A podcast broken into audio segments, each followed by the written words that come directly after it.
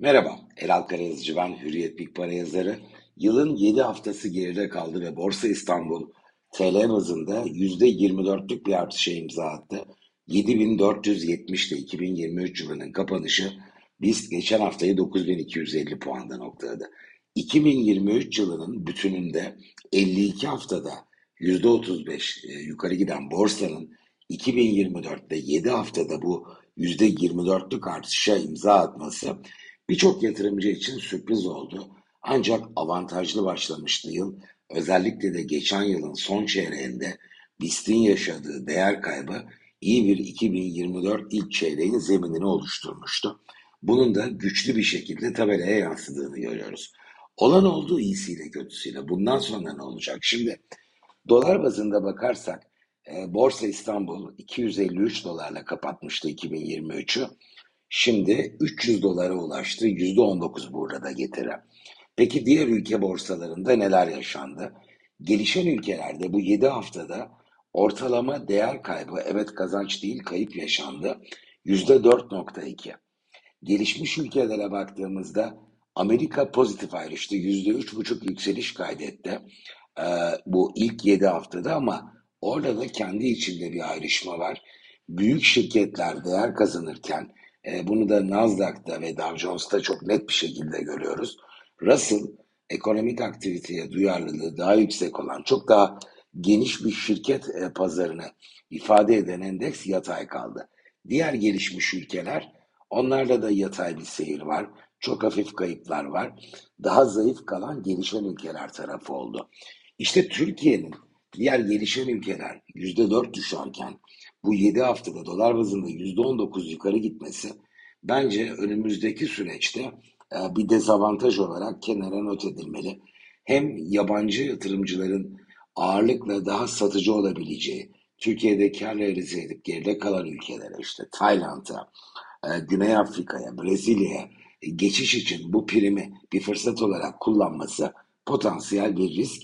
Keza alış ordinalarında da bu göreli iyi performans ama iskontonun ortadan kalkması Türkiye adına ilk dezavantaj. İkinci bir dezavantaj son 1-2 haftadır mevduat oranları yukarı gitmeye başladı ve bunun devam etmesi mümkün.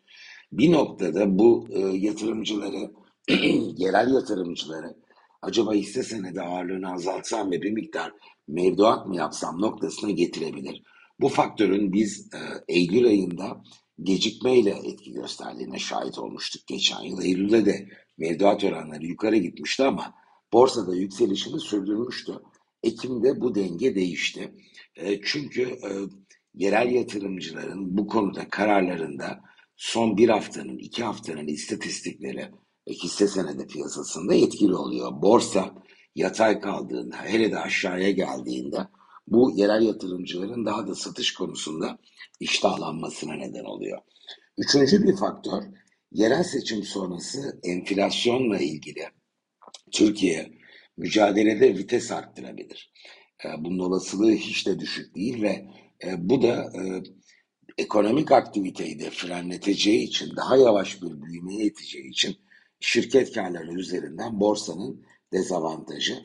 Son dezavantaj seçime ağırlık azaltarak girmeyi tercih edebilecek yatırımcıların olması. Çünkü e, seçim sonrasında hangi faktör değişiklikleriyle karşılaşacağız? Bu konu elbette herkes tahmin üretiyor. Ben de işte az önce ifade ettim. Ama ne olursa olsun e, bir takım sürpriz e, tarafı da var bu işin. Ve özellikle de Mart'ın ikinci yarısında ben bu faktörün de e, ağırlıkla yabancı ama bazı yerel aktörlerde de etkili olabileceğini düşünüyorum. Diyeceksiniz hiç mi avantaj yok? Olmaz mı? Bence çok güçlü bir avantajı Borsa İstanbul'un dış iklim olmaya aday.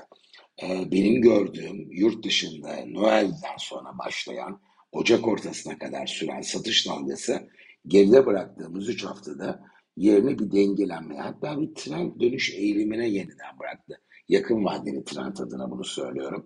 Önümüzdeki 2-2,5 aylık bölüm yurt dışında pozitif geçerse bu küresel fonların e, kararlarında etkili olur ve alış ordinalarını görece pozitif, satış ordinalarını görece negatif etkiler. İkinci bir avantaj da yerellerin artan iştahı. Özellikle bunu da son iki haftadır görüyorum. Çünkü onlara ben tempo yatırım istiyorum. Daha önceki yorumlarda da ifade ettim. Herhangi bir yatırım kararlarında o varlığın fiyatı çok etkili değil. Ee, o varlığın yakın vadeli fiyat değişim istatistikleri çok etkili. Ve ben yurt içinde yeniden borsanın e, popülaritesinin yerel yatırımcılar nezdinde yükseldiği bir durum görüyorum. Bunun da özellikle hisse senedi fonlarına bir giriş olarak vücut bulduğu bir durum var. Bunun devamı gelebilir mi?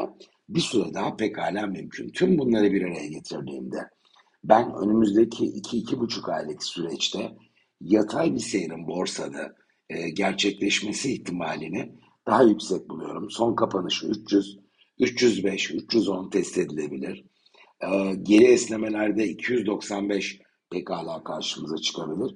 Fakat 275-280 sente kadar gerilemeyecek, daha yatay kalacak bir borsa İstanbul bence şansı bir adım önde olan senaryo. İkinci sırada hangi senaryo var dersek, eğer dışarıda biz bu iki buçuk ayın güçlü pozitif değil de ılımlı, yatay, e, daha normal bir seyirle geçtiği bir tabloyla karşılaşırsak o noktada ben BIST'in 280 dolar civarına geri e, çekilmesi ihtimalini bu Nisan e, ortası veya sonuna kadar olan süreçte mümkün bulurum. Bunu da dikkate almak gerekir. Fakat 305-310'dan uzaklaşıp BIST'in önümüzdeki 2-2,5 ayda 340 dolara yaklaşması bence şansı en düşük senaryo olarak e, defterlere not edilmeyi hak ediyor.